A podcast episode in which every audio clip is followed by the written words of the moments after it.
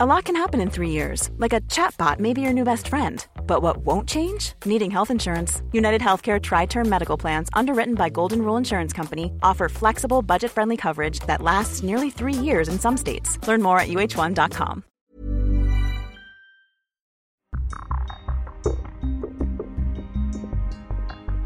Men i grund och botten är det ju ett misslyckande när det blir en stark tystnadskultur på, i, i organisation. Att vara visselblåsare är ju ett misslyckande av organisationen egentligen. Mm. Så att behöver vara.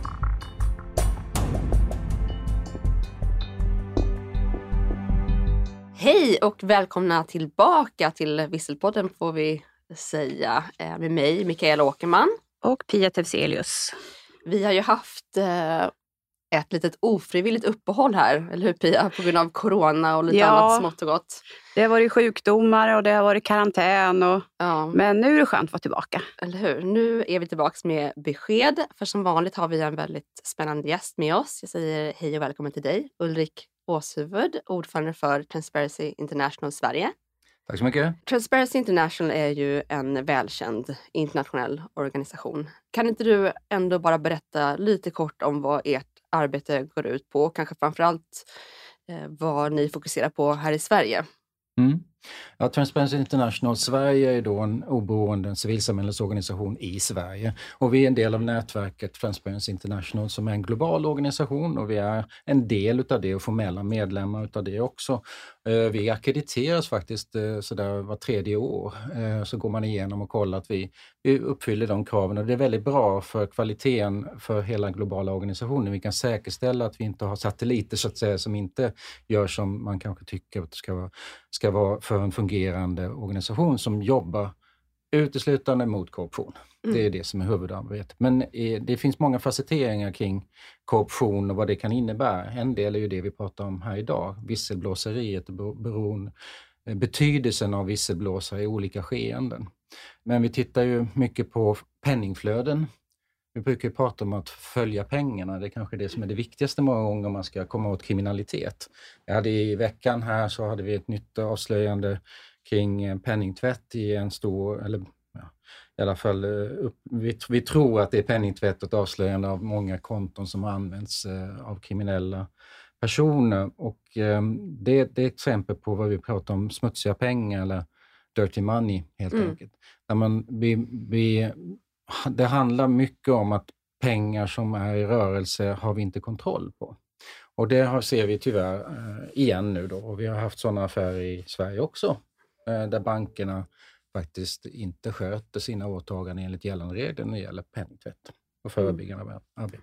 Men det är en del utav det. När det gäller korruption, är det ju, ur en svensk kontext så handlar det mycket om riskerna kring upphandling och risker kring eh, vänskapskorruption, intressekonflikter och jäv. Mm. Vi har ju inte den här dagliga, vi mäter ju årligen som organisation globalt Eh, upplevd eller uppfattad korruption inom offentlig sektor. Den kom här nyligen i slutet mm. på januari, det så kallade korruptionsindexet. Och där ligger Sverige, eller Sverige då förhållandevis högt upp och anses ha förhållandevis låg korruption inom offentlig sektor. Att det finns, det gör vi och Sverige ligger still och har inte förbättrat sig. Så det, det, det, det är uppenbart. Men jämfört med alla andra 180 eller 179 länder så, så ser det förhållandevis bra ut. Men det, är, det finns risker och de riskerna behöver man jobba aktivt med även i Sverige. Så det finns det en handlingsplan, en nationell handlingsplan mot korruption till exempel, som regeringen har tagit fram. Kanske inte så mycket handling i den. Eh, vi har uttalat oss om det och vi har mm. lagt också förslag kring vad man kanske borde ha haft med eller skulle kunna titta på och jobba mer aktivt med. Och det handlar just om de här riskerna kring, kring intressekonflikter, att de som fattar beslut inte är helt oberoende från de besluten, att man har person i utredningsväsendet som inte är oberoende, att man eh, har dålig koll på sin upphandling eh, eller riskerar att ha dålig koll på sin upphandling för att man inte har kompetensen med sig. Det är svårt för en kommun, en mindre kommun, att kunna ha experter på allting. Det är klart att det finns risker då med upphandling, eh, omedvetet. Mm. Men det är det, det är det man ska jobba med. Och mycket handlar ju, när det är just korruptionsfrågor, att man jobbar med, med riskbedömning och man försöker förebygga så långt. Sen kommer det alltid kunna hända. Men då ska du också ha en, en förståelse för varför det hände och en mm. systematik kring det arbetet. Men mm. det var ett långt svar på vad vi gör. ja, men det är en jätteviktig verksamhet. Mm. Mm. Och det handlar ju egentligen om tre saker vi brukar fokusera kring. Det är ju transparens givetvis, som är en viktig del. Eh, integritet kring de personer som jobbar med, med frågor överhuvudtaget i både statsförvaltning och privat och ansvarsutkrävande i arbetet mot korruption. Och ni eh, skriver ju uttryckligen eh, på er hemsida och andra ställen att visselblåsning är ett fokusområde för er. Hur skulle du säga att klimatet för visselblåsning ser ut i Sverige idag utifrån vad du eh, har sett och upplevt? Ja, det har ju förändrats. Dels beror det ju på att, eh, och det, man ska inte varken säga det förbättrats eller för, utan snarare förändrats därför att kraven har blivit annorlunda. Eh, och det beror ju på EU-direktivet kring visselblåsare, vi sammanfattar det i visselblåsardirektivet, eh, som ställer krav på medlemsstaterna att, att införa ett stärkt skydd helt enkelt. Det skyddet har väl funnits i Sverige enligt den tidigare lagen som då fokuserar på repressalier och skydd för personer som då har anmäler missförhållanden. Men det har inte riktigt prövats Nej. i praktiken, så att säga, i, rätts, i några, i, i några i rättsliga prövningar. Och, eh, så det är svårt att utvärdera den. Eh, däremot att vi har gjort någon större förändring därför att Sverige har själv tagit initiativ till det. Nej, det beror det ju inte på, utan det beror på att EU-kraven har förändrats. Mm. Eh, däremot, däremot Transparency International, både i EU och i den svenska delen, jobbat aktivt med att påverka den nya, det nya EU-direktivet. Vi har jobbat kring vissa specifika frågor, att inte kunna ha för många undantag till exempel. Mm. Eh, att begränsa eh, möjligheten till det. Men också att se till att skyddet faktiskt fungerar i praktiken. Att det inte blir så att säga en papperstiger på något sätt utan det faktiskt finns ett skydd för dem. Och där tycker vi väl, vi måste väl säga att vi är ganska man, kan aldrig bli, man ska aldrig vara helt nöjd, som man säger, men, men rätt nöjda ändå att eh, en hel del ly, lyssnade man på. Mm. Och vi kommer ju fortsätta nu, nu är det bara starten, för nu på något sätt nu genomförs det här.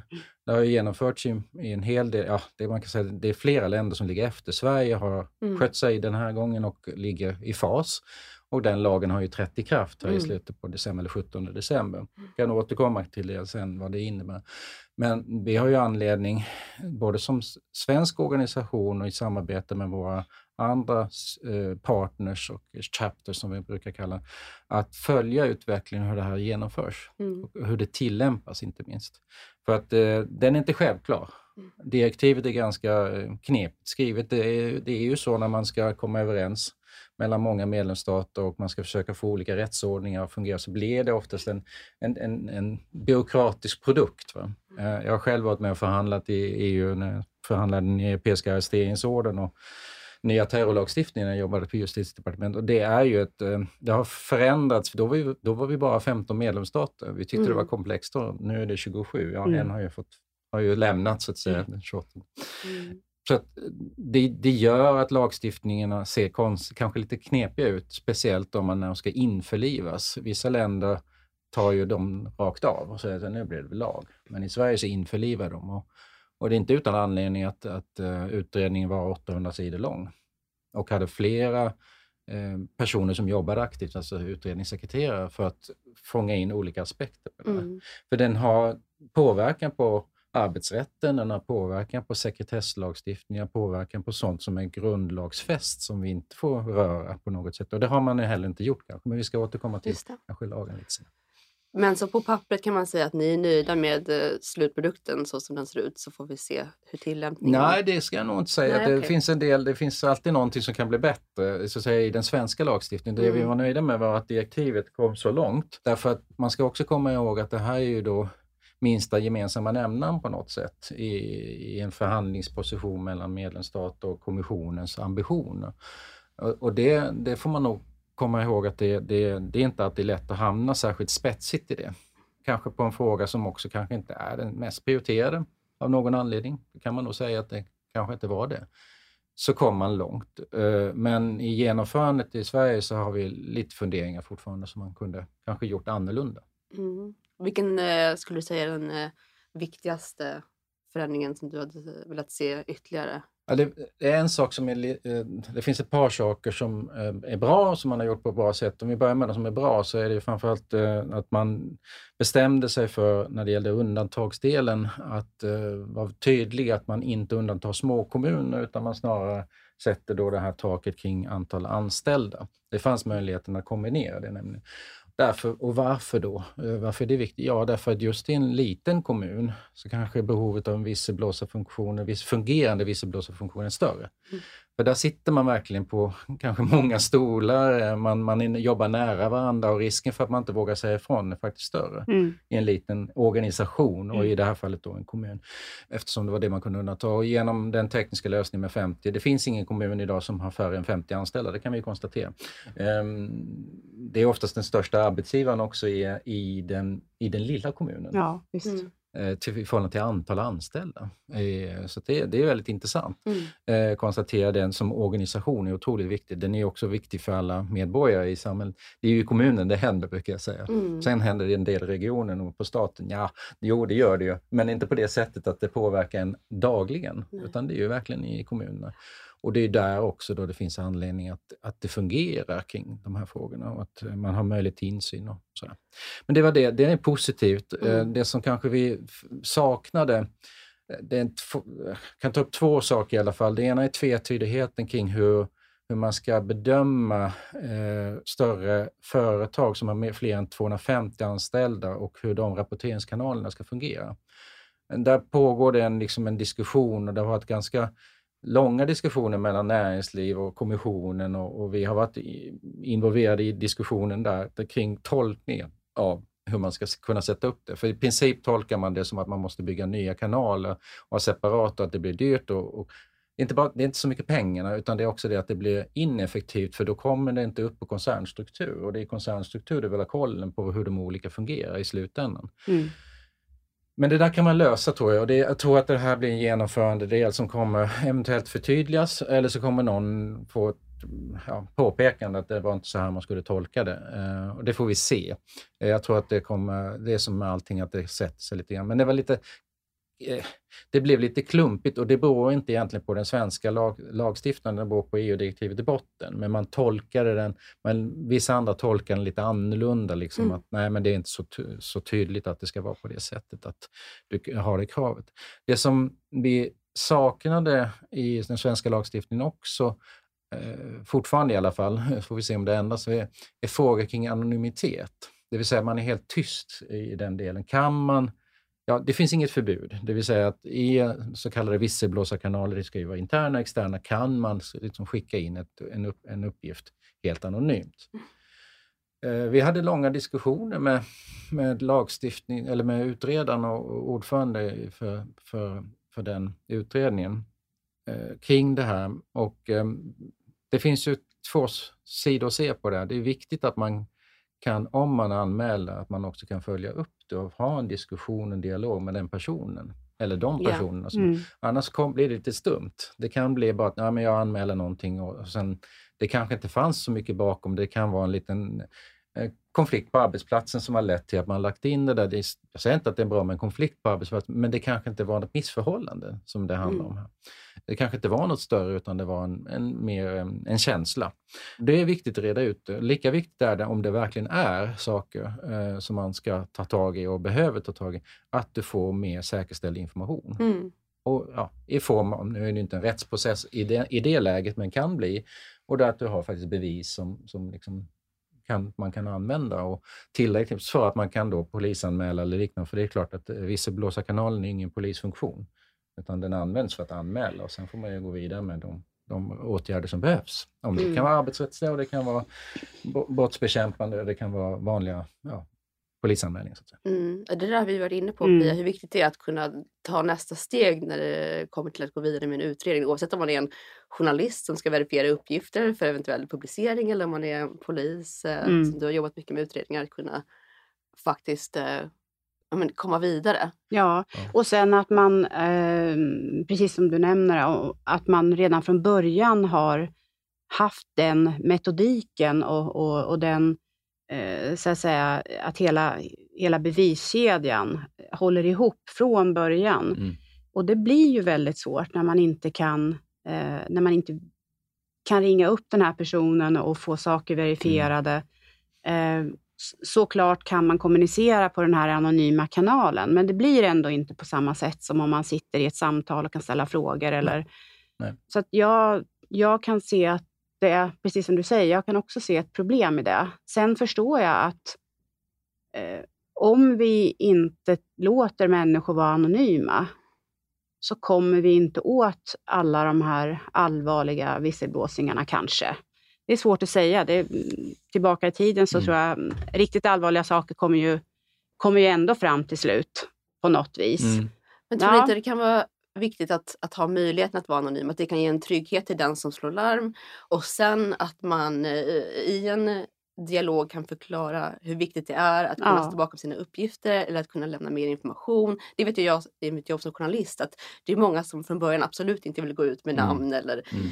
sådär mm. vem de är eller vart de ens jobbar. Så. Men eh, efter att ha jobbat ett tag och de förstår hur mycket mer tyngd det ger i att kunna stå mm. bakom sina uppgifter så har man ändå landat i att ja, men jag, vill, jag träder fram mm. och så vidare. Mm. Ja. ja, det är inte självklart, eh, men, men det, det, det stärkta skyddet som ändå finns i den nya, enligt den nya visselblåsarlagen är ju också just kring hur man ska behandla eh, personuppgifterna och att de är sekretessbelagda. Och det finns, den, den tycker jag, där kan man, en del tycker kanske att det är fortfarande lite för svagt, men jag tycker nog att den har förstärkts. Och det finns ett starkare skydd för den som då faktiskt lämnar sina uppgifter. Eh, de ska inte kunna komma ut och då finns det också straffrättsliga påföljder på den som missbrukar den, mm. den här informationen och inte följer det på rätt sätt. Men om jag skulle vilja backa bandet lite grann, varför sitter vi och pratar om visselblåseri och varför är det viktigt? Vi sa att det är viktigt att kunna avslöja kanske skandal och sånt, men om vi tittar ut svensk kontext så handlar det ju om situationer egentligen på olika arbetsplatser. Och det här är ju styrt av att arbetsgivare ska ha det. Och i grund och botten så kan man ju säga, ja, när du måste bli visselblåsare eller anmäla en visselblåsarkanal så har du misslyckats. Någonstans är det ju så man får börja för att vi lägger väldigt mycket tid och resurser på att ha en fungerande arbetsplats. Vi har starka lagstiftningar kring arbetsrätt men också arbetsmiljö. Vi har funktioner där vi jobbar med det här dagligen, på, ja, dagligen men i alla fall löpande och vi har arbetsplatsträffar, vi har MBL och vi har liknande. Och det är jättebra. Det är ingenting som jag på något sätt vill förringa och säga nu är det visselblåsarkanalen som fungerar. Tvärtom. Det är, ju organis det är ju organisationen man vill att det här ska fungera från början. Att uh, alla pratar om högt i taket, men det behöver vi inte prata om, utan snarare att det, att det finns en systematik och också en förståelse på arbetsplatsen att det här är någonting man kan, man kan säga ifrån. Och så säger man då kulturen i organisationen, att den medger det här. Men det ser väldigt olika ut på arbetsplatser i, Sverige idag. Men det kanske den nya typen av ekonomi också. Jag är inte så insatt i alla delar, men med så kallade gigekonomin när många jobbar själva och kanske inte sitter på en arbetsplats. Och så, där. så det är också en ny typ av arbetssituation som mm. många kan bli utsatta för, vara rätt utsatt för. Liksom. Och då är det bra att den här lagstiftningen även tar hand om dem, så att säga, som konsulter och mm. leverantörer och vad det nu månde vara. Så finns den, den kopplingen finns ju faktiskt, så den är stark yeah. där också. Så det tror jag den är mer modern utifrån det perspektivet. Men återigen så vill man ju, jag kan dra mig till minnes själv när man har varit på, på olika arbetsplatser, att, och det är kanske är därför jag sitter idag och är ordförande för Transparency International Sverige, men jag har nog varit en sån person som säger ifrån. Och någon gång har jag nog funderat på, kommer mitt skrivbord, eller rättare sagt kommer jag ha min dator kvar imorgon? Eh, eller eh, vad det nu blir så att säga, mm. kommer jag in genom porten. Och det är tomt skrivbord som väntar. Ja, precis. Men det är också det att eh, och det enda råd jag kan säga är att det, det mår gott, man mår gott av att säga ifrån om man har belägg för det. Det kan ju inte bara vara gnäll så att säga. Men man måste kunna också ha den att det finns en, en ledning som tål dialogen. För det handlar inte om konflikt utan det, handlar om dialog till att börja med. Sen mm. kan det bli konflikt för att man inte kommer överens. Men om man börjar med att säga, jag vet, jag, jag har fått, liksom, menar du verkligen att du så här? Och man blir upprörd och, och sådär. Så, ja, jag menar faktiskt och jag belägger det på det här sättet. Att ta den där, mm. våga ta den diskussionen är otroligt viktig innan man hamnar som visselblåsare. Mm. För det kanske går att lösa ut det. Det mm. kanske finns en förståelse där. Mm. Eh, man behöver inte tro att alla vill ont. Eh, tvärtom. Du har ju mött eh, många visselblåsare. Ni utser bland annat Årets visselpipa där ni lyfter fram människor som ni tycker har eh, slagit larm om viktiga saker. Och vi har ju träffat några av dem här i den här studion. Och eh, liksom flera av dem upplever ju ändå att de har blivit ganska illa behandlade efter sina larm. Och eh, du sa inledningsvis här att vi har liksom haft skydd mot repressalier och annat i Sverige men eh, på pappret ja. På pappret ja, för mm. de här personerna känner sig mm. väldigt utsatta. Nej, exakt. Så vad, vad, liksom, vad är det som inte funkar? Nej men det, men det där är det är intressant om vi tar de sen, två senaste visselpiporna då, så att säga, som vi ändå, de fick samtidigt. De var i en liknande verksamhet, men en var från privat och den andra från offentlig, men de är offentligfinansierade båda två. Och det är ju liksom lite skolexempel på något sätt, eh, när vi tittade på dem närmare, var ju att båda har sagt ifrån först internt och försökt liksom att få gehör för någonting och fått eh, ja, bristande förståelse i alla fall. Mm. Och sen har man försökt vidare och sen har man kommit fram till nej, det här går inte, jag måste gå vidare. Och då har man gått till media i första hand. Eh, vilket är ju då den andra delen som vi inte pratat om, i vilken roll har media i visselblåseriet? Ja, en ganska stor del. Eh, mm. För att eh, du måste ha någon som lyssnar, som tar upp det här och som kanske börjar sätta, som lägger ihop pusslet och ser om det är någonting och hjälper till lite grann. Personen som då säger ja de är utsatta, de blev rädda, har de varit rädda? Ja, det har de varit en del av dem.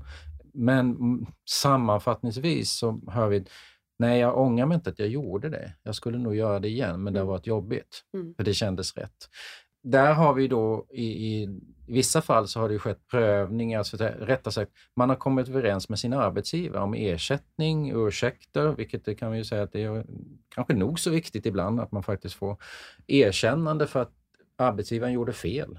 Eh, och det kanske det viktigaste än att det blir en, en förhandling i, i domstol och så blir det någon förlikning i slutändan i alla fall. Mm. För det blir det oftast. Mm. Um, Sen är det nog inte pengarna det viktigaste, men en del har fått en slant pengar också för det. Mm. Men det finns de som inte har riktigt kommit därigenom, som fortfarande mår nog både dåligt eller tycker inte riktigt de fått upprättelse. Och de är någon, där saknar vi kanske ibland verktyg att hjälpa till. Eh, det är någonting vi tittar på nu när också den nya visselblåsarlagen. Vad är det som behövs för stöd kring det här för att förstå vad det är? Eh, också stöd kring kring hur man kan använda den, men också stöd till de som har faktiskt blåst i visslan, eller visselpipan. Och där är det intressant att prata med de som vi har bland annat gett pris till eh, för att få mer information. Så vi kommer nog återkomma här, kanske inte just i år, men ja, det kan bli i år, men det kan bli också nästa år, kring, kring format, kring där vi kan liksom skapa stöd kring de här och, och nätverksfunktioner som kan jobba. Mm. Det finns en del eh, möjligheter till det, kanske till och med att få vissa pengar från statsbidrag som då kommer med den här, den nya lagstiftningen där man har avsatt pengar. Det är inte klart ännu hur mycket och hur ännu, utan det kommer faktiskt i, vår, i, i vårbudgeten här tilläggsbudgeten, detaljerna kring belopp och så och hur man ska genomföra det. Men det är Arbetsmiljöverket som har ansvaret för det. Och jag, jag tycker det, det, är också en positiv del att man faktiskt tog det. Vi, hade, vi skrev i vårt remissvar, vi sa att det är viktigt att det är en, och det kanske det slår mig nu, det kanske är därför vi skrev det som det blev så. Det, det, det var ju kul i så fall. Eh, men i vart fall så hade vi samma idé om att man skulle ge en myndighet ett uppdrag att ansvara för information och stöd kring eh, hur man ska tillämpa den här lagstiftningen överhuvudtaget. Så att arbetsgivare kan få stöd, men också arbetstagarorganisationer och eh, ja, arbetstagare rent generellt. Och det är både informationsmaterial och så. Det skrev vi om och vi pratade inte om pengar direkt kring det, men man har då gått steget vidare och gör ett särskilt eh, statsbidrag. Nu är det ganska vanligt att Arbetsmiljöverket har, de har det på andra, på skyddsombudssidan så har de ett uppdrag att, att fördela pengar till skyddsombud. Så det kanske hängde ihop med det, att man hade en sån tradition och där såg det här, det här är något snarlikt och, och då, då, har man kunskapen också om man ska göra. Men hur det ska gå till och så, det vet vi inte ännu. Nej. Hur kommer det sig att ni tog eh, fram den här utmärkelsen från början? Ja, det var, det, det, nu var inte jag med när det började, men, men om vi går till nutiden när vi, när vi gör det och hur vi resonerar kring det så är det ju eh, ändå så att eh, de personer som har gått hela vägen och som blir utsatta förtjänar att uppmärksammas. De är ju samhällets hjältar många gånger. Och det, det är en del utav det. Också att sätta fingret på att det finns missförhållanden i, i, i det här fallet i det svenska systemet eh, som, som uppmärksammas och, därför, och det är de, tack vare de här personerna som det har uppmärksammats. Mm. Det, det, är en viktig del. Eh, man visar civilkurage helt mm. enkelt. Och det handlar ju, det här är ju inte, handlar inte om någon penning, att de får pengar från oss, utan det är verkligen bara ett pris som en visselpipa och ett diplom. Men, men det är ju en, ett erkännande av det de har gjort och det tror jag värm, som vi uppfattar det, värme i hjärtat kan man säga, men det, men det är nog viktigt också. Det är ett sätt att, att eh, mm. kunna gå vidare också och säga, men jag gjorde nog rätt i alla fall. Mm. Vi kanske ibland bedömer fel i förhållande till de personer man utser. Det kan man säkert ha synpunkter på. Och sådär. Men det, det, det val vi gör och det sker genom en process och en systematik kring hur, med nomineringar. Man kan säga så att det är inte så att vi blir överösta av nomineringar på något sätt, eh, utan det är ofta så att det kommer in några få. Eh, många av dem kanske inte riktigt är av den kategorin, utan det beror på mer annat då, så att säga. Sen jobbar då en grupp med det här, ett arbetsutskott i styrelsen med, med att titta på olika möjliga personer som har varit ute under senare tid och se om man kan identifiera dem och göra en kombination. Och så blev det då mm. i förra året när vi där det blir ju naturligt fokus på corona och naturligt fokus på att det som har hänt där och de, de utmaningar som har varit. Och, och det, det tror jag faktiskt föll rätt. Eh, från vår, vi kände oss väldigt nöjda med att det blev just de personerna. Mm. Ja, men den bilden har vi nog också fått, att det betyder väldigt mycket för de här mm. personerna mm. Att, eh, att få det här erkännandet som du mm. pratar om. Och något som också verkar betyda mycket det är att träffa och prata med andra visselblåsare. För genomgående är att man ofta har känt sig extremt ensam. Mm. Och eh, på ett sätt kan ju det kännas märkligt i och med att man ofta slår larm om någonting som berör väldigt många människor och det är fler som känner till de här förhållandena mm. och ändå eh, känner man sig eh, ja, men utfryst och ensam. Vad, vad tror du beror på? Ja, det, är, det är ju den situationen att man är osäker på vad har jag gjort rätt eller fel. För det är klart att många ifrågasätter dig som vad är du för någon ja, kanske illojal person som faktiskt håller på att bråka här och vill du förstöra för oss andra? Man kanske får ens tidigare kollegor emot sig för att ja, det finns en rädsla också för sitt arbete. Jag säger inte att man blir bara uppsagd sådär, för det finns ju regler för det, men det finns alltid risk för att det blir fel. Och det är en lång process att komma tillbaks. Mm. Så det är klart att man blir utsatt.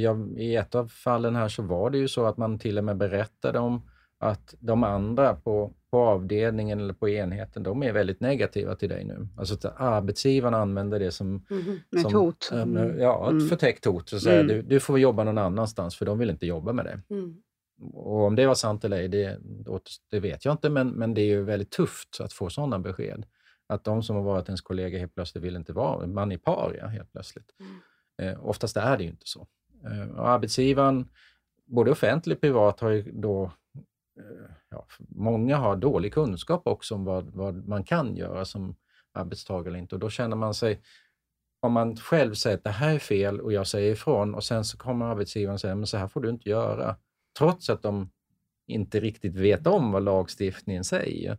Då blir det ju, då blir det ju konstigt. Man hamnar ju i ett underläge som är Arbetstagarorganisationen kan ju givetvis, eller facket då, kan hjälpa till i det här under förutsättning att du är fackligt ansluten. Det kanske du inte är.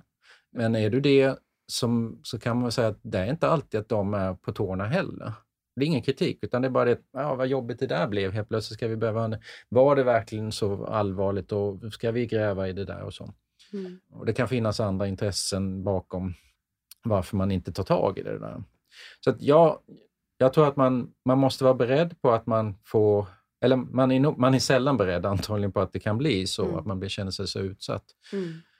Men det enda jag kan säga som ja, erfarenheten själv är att man, man mår ju gott utav det. Man, om du har rätt på fötterna så kommer du i slutändan gå segrande ur det. Det är väldigt sällan du hamnar... Du kan ju vara rätt eh, tilltufsad. Mm. Det kan du vara. Mm. Jag tror att det i grund och botten handlar om, om eh, det är nog så enkelt att det handlar om rädsla.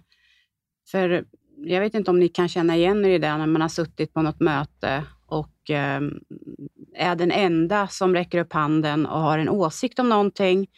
Och, och liksom, det verkar inte som att någon annan tycker att det där var inget viktigt. Sen när man kommer ut ur mötesrummet eller styrelserummet, då kommer det fram tre, fyra personer. Gud vad bra att du sa det där. Mm. Men Mm. man får inget stöd när man sitter där och då. Och det tror jag bottnar i rädsla. Mm. Och jag tror att det är en- en rädsla att bli sedd som en bråkstake. Mm.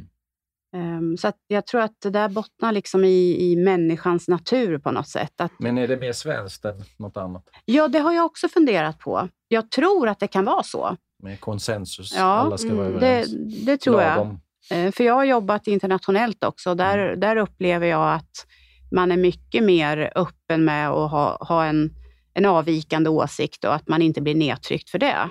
Mm. Så det kan vara en kulturfråga. Jag tror att det bottnar i det och sen blir det liksom de här allvarliga sakerna som man börjar visselblåsa om. Man kan inte räkna med att man får ett stöd om man inte ens får ett stöd i mötesrummet. Mm. Men det finns också det där med att våga säga ifrån, men en, en känsla kanske i samhället att det är någon annans ansvar än mitt ansvar. Att vi vi Mm. pratar mycket om samhället, eh, vad nu det är. eh, det är ju vår, all, vårt allas ansvar egentligen, om man vänder på det.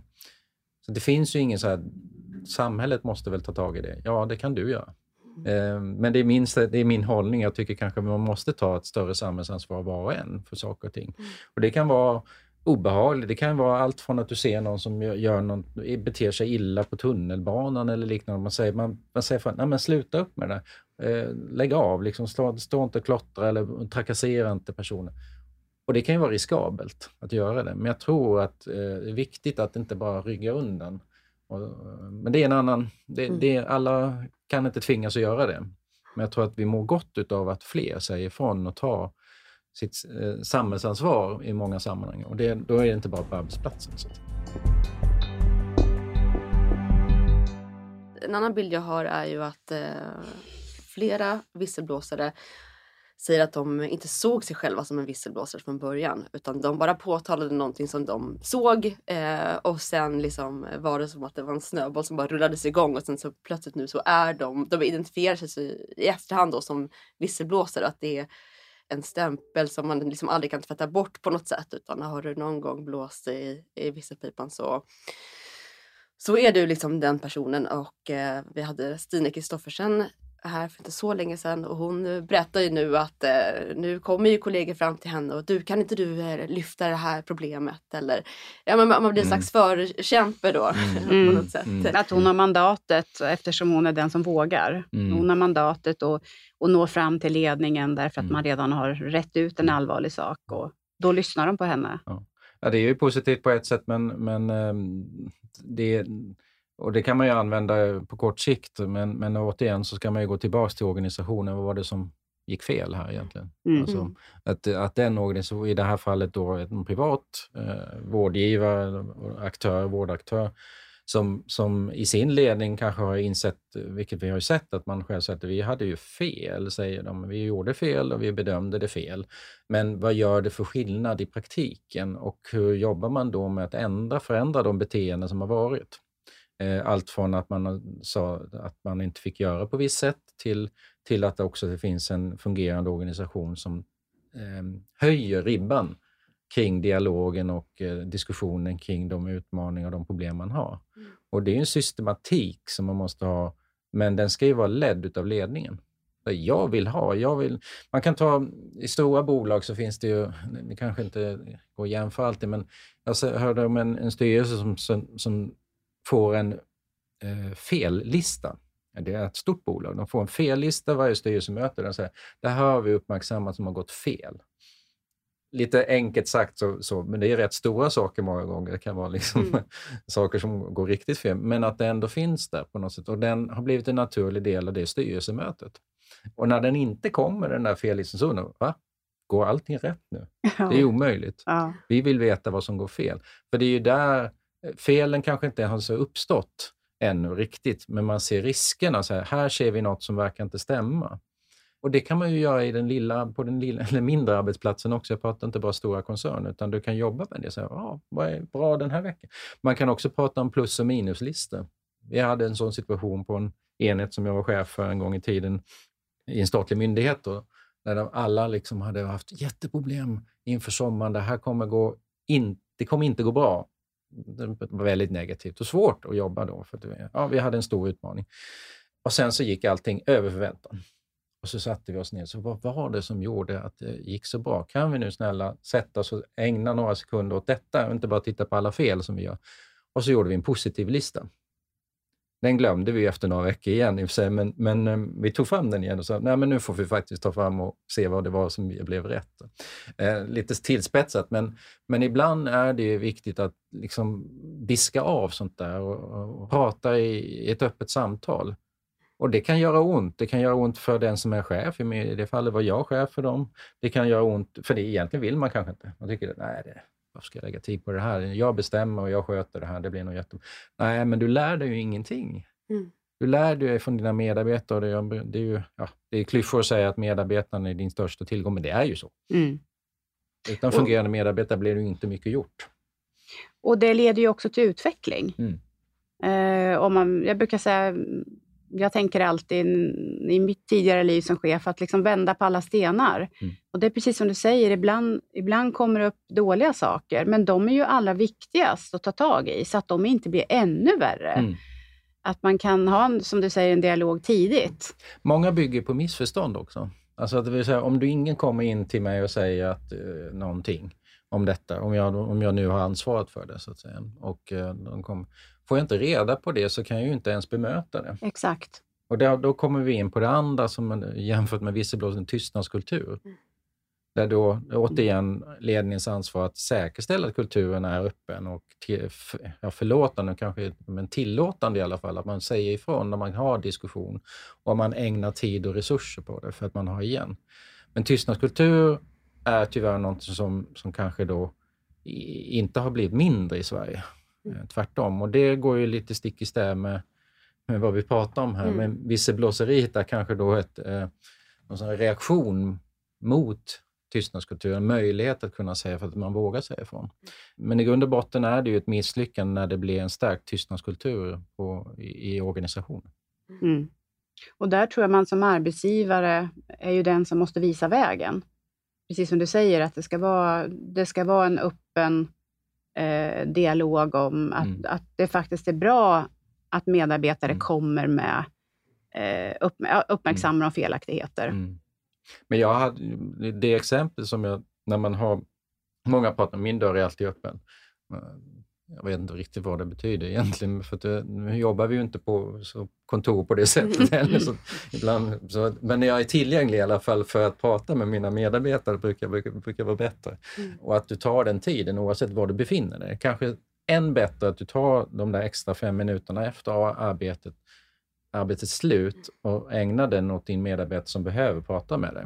Eh, det är väl en del som jag har erfarenhet av. Och många gånger kan man reda ut att dels kan det vara missförstånd i organisationen, att man har inte riktigt fått all information. För det är ju sändare och mottagare och alltihopa. Du som sändare av informationen tycker att du har varit jättetydlig. Men jag vet inte hur många gånger jag har gått bet på det, eh, när man tycker att man har varit tydlig och sen så har mottagarna uppfattat hälften av det och dessutom tolkat det på ett sätt som kanske inte var det man trodde. Mm. Och det är viktigt att komma ihåg. Stressade situationer, stressade organisationer, otydlighet föder mer frågor och uh, fråge, ja, frågetecken överhuvudtaget i organisationen. Men jag hade tre oberoende medarbetare som kom in till mig och sa så här, jag har hört att du har sagt. Alltså den där tredje sa, det var jätteintressant, jag har, aldrig, jag har aldrig tänkt tanken ens, men jag ska ta med mig den.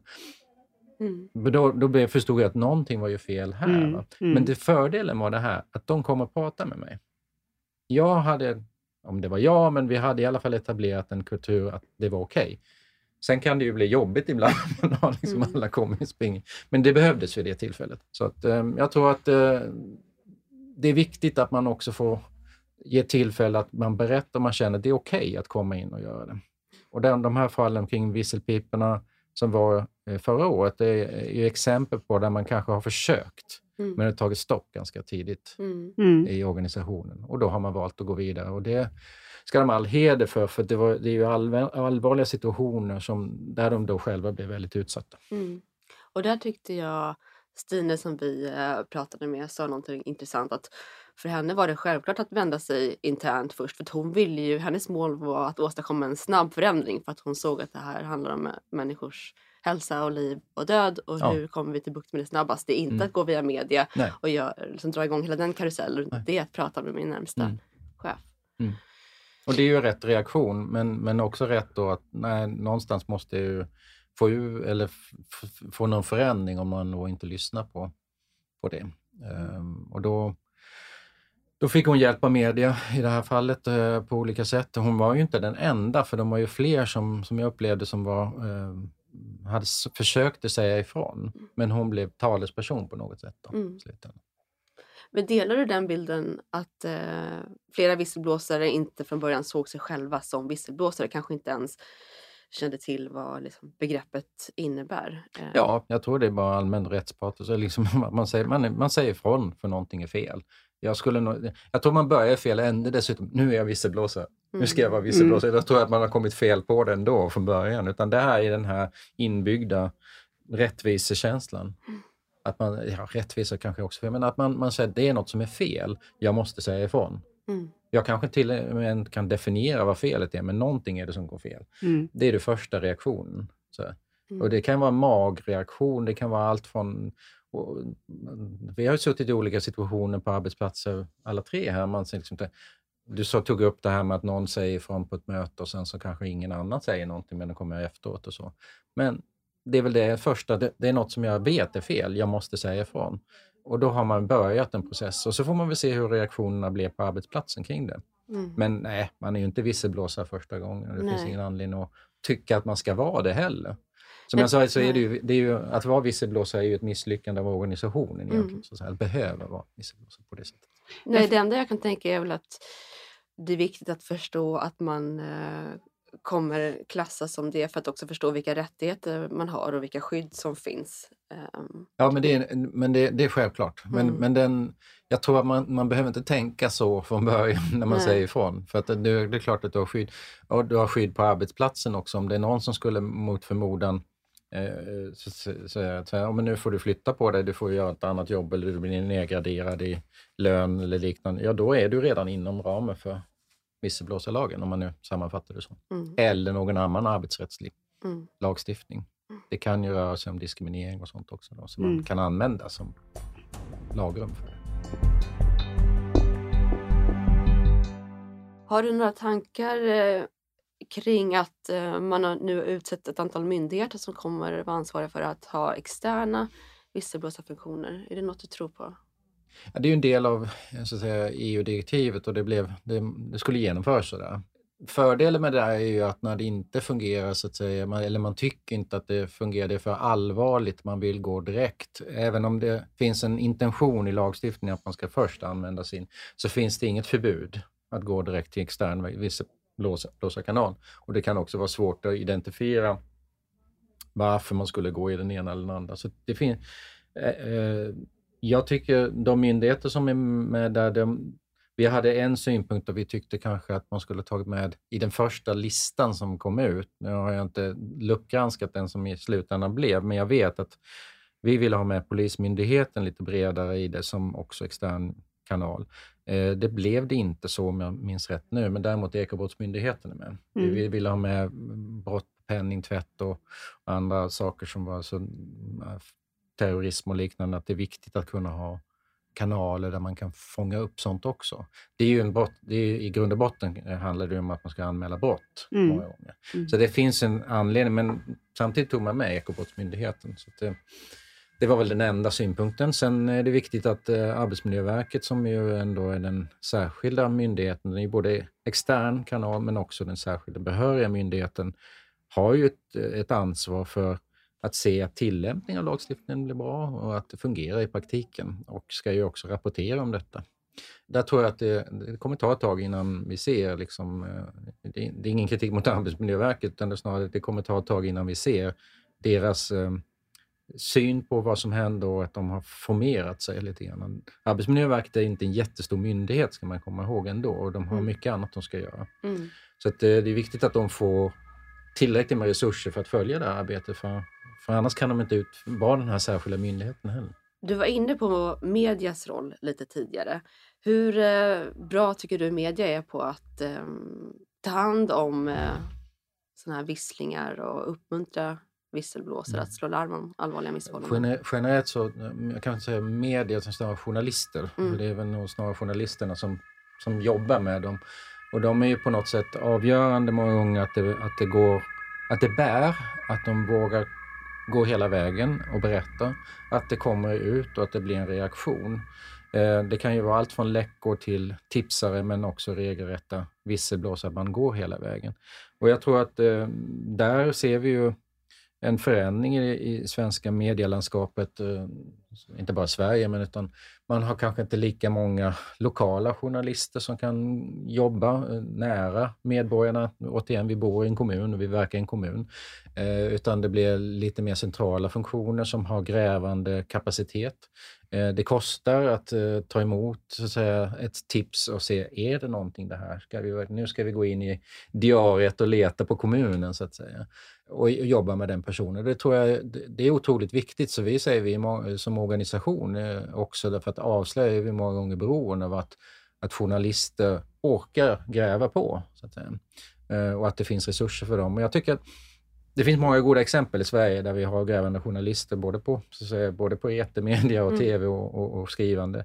Men, men man säger själv från journalisternas sida att det, det, har blivit färre som kan det. Man har inte den där lokalkorren som jag sa. Mm. Den finns inte längre. Eller, den finns betydligt färre, i mindre utsträckning i alla fall. Och den lokalkåren kanske ska täcka ett område som också är, om det, det är inte så, det är inte så lokalt längre, utan mer regionalt. Eh, mm. Och det blir svårt liksom, att, att, göra det. Så det är väl en risk um, som finns. Men vi får ju många som kontaktar oss som är enskilda fall så att säga, på olika sätt och inte bara att de är visselblåsare utan de har upptäckt någonting och vill berätta om det. Och, och vi, vi har ju en utmaning, vi är, som pass, vi är en förhållandevis liten organisation, vi har inte resurser liksom att sitta och utreda respektive. Och där återigen så blir journalisterna väldigt viktiga. Eh, om de känner att det här är någonting som jag vill ta tag i, eh, då gör de gott och kan hjälpa till. För vi, vi kan bara peka i riktningar och jag, i, i dialog med journalister kan vi ibland säga att har ni tänkt på det här?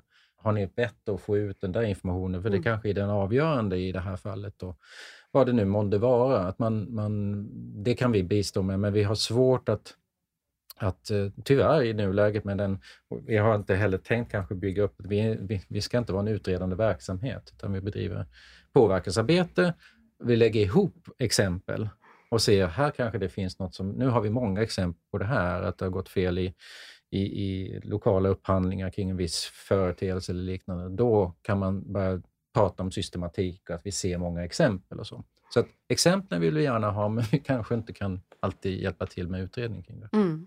Den funktionen har ju ehm, ja, mitt team där, mm. där jag jobbar. Mm. Precis som du säger så kan det ju vara väldigt omfattande undersökning som behöver göras innan man ser om det här verkligen stämmer. Och den tiden har man kanske inte och resurserna eller kvalifikationerna för att mm. göra det. Eh, och då är ju vi en sån funktion man kan vända sig för att vi liksom reder ut fakta så att vi verkligen får fram eh, om det är någonting. Ja, men jag menar också återigen tillbaka till det här med att, att, att försöka i sin egna organisation mm. först. Det är otroligt viktigt. För att annars tappar man det där ledet. Men vad har du gjort själv? Mm. Nej, jag har inte vågat. Okej, okay, du har inte vågat och varför vågar du inte därför det? Okej, okay, fair enough någonstans. Mm. mm. Men, men äh, det är viktigt att den nya visselblåsarfunktionen inte blir en allmän klagolåda också. Att man liksom använder det på rätt sätt. Det kommer nog vara i början mm. så. En annan sak som vi tog upp med, eller det finns risk för att det blir så i alla fall. Eh, och då är det den här informationsdelen otroligt viktig. Också arbetstagarna, arbetstagarorganisationer, både arbetsgivare och arbets, eller fack, så att säga, måste jobba tillsammans för att informera vad det här är till för. Och kanske på, på, på arbetsplatser också, att det finns en liten enkel pamflett eller skrift som säger det här kan man göra med det här. Liksom. Och um, Det som vi eh, funderar lite grann på här är ju då kring anonymiteten igen. För att eftersom det inte var så reglerar. Vi ser att det är många som, eh, av statistik i visselblåsarkanaler rent generellt, när man frågar hur många är anonyma, det är ganska många eh, emellanåt. Mm, det finns olika, jag pratade med någon från Göteborgs stad bland annat, sa att det är inte så många, men vi har några. Och ibland av dem är de väldigt skarpa också, så de leder till någonting. Så det är bra att det finns möjligheten. Så det, man är lite kluven. Eh, det vi bad i vårt remissvar till regeringen var att man skulle begära till de, framförallt eh, de här ex, externa rapporteringskanalerna för det kanske är svårt att göra för hela Sverige och alla eh, arbetsgivare, att de skulle årligen rapportera hur många av de eh, anmälningar de får in som är anonyma, för att bilda sig en uppfattning av det. För det är ju så, man har ju inte fakta riktigt, utan många pratar om någonting och så är det bra att få lite fakta så att vi kan se, då kanske det finns anledning att hitta form eller stärka upp lagstiftning på något sätt kring de som då ändå anmäler det, eller rutinerna kring hur man ska hantera de här anonyma anmälningarna. Så det är viktigt. Eh, för återigen, som vi går tillbaka till de som då säger att de är riktigt rädda. Och då kan ha skäl att vara riktigt rädda och det ska vi ha respekt för. Eh, samtidigt som vi har respekt för att de faktiskt då säger ifrån på något sätt. Det kan vara avgörande i många sammanhang. Det kanske inte bara är avgörande för den personen och den organisationen. Det kan vara stora saker som går fel. Allt från att det är utsläpp som, som görs av fabrik eller liknande som ingen riktigt pratar om och som borde inte hända. Andra missförhållanden som påverkar många personer. Mm. Eller då ren korruption och vänskapskorruption och intressekonflikter och, så, som det är svårt att kanske gå in och säga, jag tycker du inte ska göra så här, för du är ju kompis med den där personen. Mm. Det gör man inte i första taget, utan där kanske man måste vara, så att säga, gå i en annan kanal, trots att man vill ha en öppen dialog på sin arbetsplats. Om vi ska försöka sammanfatta avslutningsvis, då, vad, vad skulle du vilja skicka med för eh, råd eller liksom tanke till eh, arbetstagare och arbetsgivare? Vad ska de eh, ta med sig från den här diskussionen som vi har haft idag? Ja, om vi tittar på den nya, det är ju en ny situation med den nya visselblåsarlagen som ändå liksom träder i kraft successivt nu. Den har trätt i kraft men den som genomförs successivt. Där jag tror att det är viktigt att finna balansen. Det här är inte en ersättning för, för något som... Det är inte ersättning för att man har en dialog på arbetsplatsen. Eh, det har vi pratat mycket om och jag tror det är viktigt att ta med sig det. Jag tror att det också är viktigt att ha en ganska öppen dialog nu det närmsta året kring hur går det här egentligen? Vad ser vi för effekter av det? Och kanske där arbets, både arbetsgivarorganisationer och arbetstagarorganisationer gemensamt kan samla på sig fakta och, och erfarenheter och gärna ta en, en, ett samtal kring det. Och Det kan ju vara både spetsigt och, och lärande på många sätt. Det här vart inte bra eller det vart jättebra därför att vi gjorde det på ett visst sätt. Det tror jag vi ska ta ganska snabbt. Eh, jag brukar säga att det är dumt att sätta sig och utvärdera tre år senare. Det är bättre att ta den diskussionen ganska snabbt när man ser, för då kanske man också kan förstärka vi brukar prata om övervakning eller monitorering. Eh, jag, för, jag förordar det. Det är, inte en, det är inte den negativa övervakningen, utan man följer, uppföljning snarare. Mm. Att uppföljningen blir snabb och att du på det sättet kan också förstärka de positiva delarna. Eller där det går bra. Varför går det bra i vissa sammanhang? Det här är mer en systematik som man kan använda. Men jag tror just i, i de här skeendena när det sker förändringar, att man inte väntar för länge utan hittar ramar och eh, lär sig av varandra utåt genom den här dialogen mellan både arbetsgivare och arbetstagarorganisationer. Så tror jag att där kan man få en kalibrering. Mm ganska snabbt. Så eh, det hoppas jag på eh, och där kan vi säkert bidra med en del. Och vi har ju, som ni har säkert sett också under både 2020 och 2021, så har vi jobbat aktivt med vissa. Vi kommer fortsätta jobba med visselblåsarfrågorna, givetvis för de är viktiga både ur ett svenskt perspektiv och ett internationellt perspektiv. I Sverige har vi nu en fungerande lagstiftning som vi får se hur, hur långt den sträcker sig, men i andra länder finns det kanske inte, utanför EU framför allt, så finns det väldigt dåligt skydd där jag har kollegor som, som jobbar både inom Transparency International, men som också kanske då kommer i kontakt med visselblåsare, men alla är rätt utsatta mm. personer och har inte något rätts, varken fysiskt eller rättsligt skydd. Eh, så att vi eh, på det sättet så ska vi vara glada att vi kan sitta här idag och prata eh, så skyddat och så öppet om de här frågorna, medan det finns kollegor i andra länder som kan inte prata om det på det här sättet. Mm. Så att det ska vi ta med oss och jag tror vi också ska se att när det gäller generellt de här förändringarna som är, så är det ju transparensen kring det. Det är ju en huvuddel i vårt arbete att man ska vara så transparent och öppen som möjligt och berätta vad man ser. För då får du, en, då får du en, någon slags eh, då får du trovärdighet kring processerna och så skapar du de här, du skapar den naturliga tilliten till att det här var nog någonting som faktiskt fungerar. Eller en förståelse för varför det inte fungerade, som egentligen då blev tillit också. Det är självklart att berättar du inte eh, så får du inte heller ut den, den kunskapen och eh, trovärdigheten eh, blir ifrågasatt.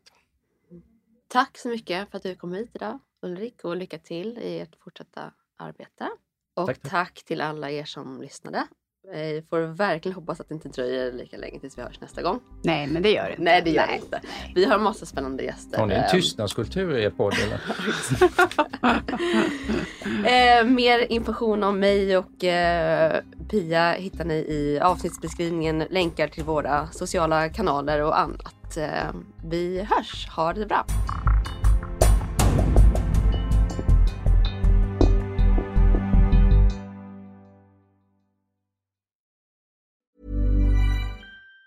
Even on a budget, quality is non-negotiable. That's why Quince is the place to score high-end essentials at 50 to 80% less than similar brands. Get your hands on buttery soft cashmere sweaters from just 60 bucks, Italian leather jackets, and so much more.